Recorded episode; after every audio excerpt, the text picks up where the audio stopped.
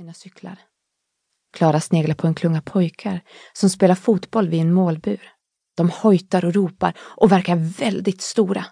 Hennes hjärta bankar snabbt. Han där är Frej, viskar Julia och pekar på några andra pojkar borta vid studsmattan. De hoppar inte utan ligger bara och solar sig. Frej är väldigt populär. Alla tjejer är tokiga honom, säger Julia. Vilken av dem är Frej? undrar Klara. Han i mitten, säger Julia och pekar igen. Klara får syn på honom. Tre flickor står och pratar med honom. Han har rufsigt ljust hår och mössa fast det är varmt. Klara har sett honom förr. På gatan där hon bor. Han åker skateboard och går i femte klass i en annan skola. Han är så vansinnigt söt, suckar Julie medan de går in. Klara är inte intresserad av Frej. Hon tänker bara på vad de ska göra inne i klubben och håller ett fast grepp om Julies arm. Hon är glad att Benjamin och Lukas går framför dem. När de kommer in i klubben blir Klara först alldeles förvirrad. Hon besökte klubben tillsammans med sina föräldrar en kväll, men nu verkar det helt annorlunda. Här är fullt med barn. Lyckligtvis står en vuxen och tar emot dem. Han heter Bo och har skinnbyxor. Bo visar dem runt. Och här har vi cykelverkstan, säger han. Klara nickar allvarligt. Julie fnissar. Och här är syrummet. Bo gör en gest med armen. Klara kikar in. En massa stora barn sitter där inne. Några av dem vid symaskinerna. Andra sitter i en soffa och skrattar och dricker te. Vid väggarna står hyllor fulla med tyger. Det luktar pepparmynta. Klara tycker att det ser trevligt ut. Här inne vill hon gärna vara. Men hon följer ändå med de andra till samlingsrummet.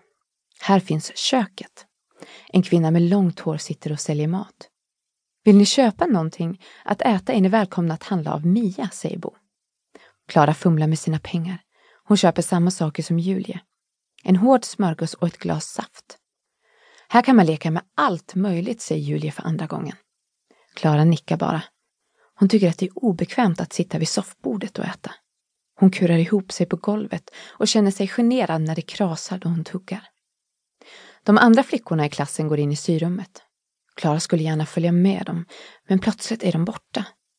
Klara känner sig stel där hon sitter. Hon har svårt att resa sig. Till slut är hon och Julie ensamma kvar. Klara stirrar på pojkarna som håller på att spela fotboll. Vad ska vi göra? frågar hon och torkar fingrarna på en servett. Hennes händer är ostadiga. Det är irriterande. Här kan man göra allt möjligt, säger Julie för tredje gången.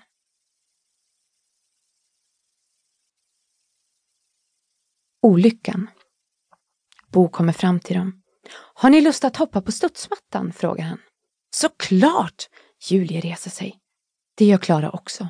Hon är lättad över att ha fått något att göra. De följer efter Bo ut. Studsmattan är fortfarande full av pojkar från femte klass. Klara stannar upp och ser på Julie. Men Julie är alldeles tyst.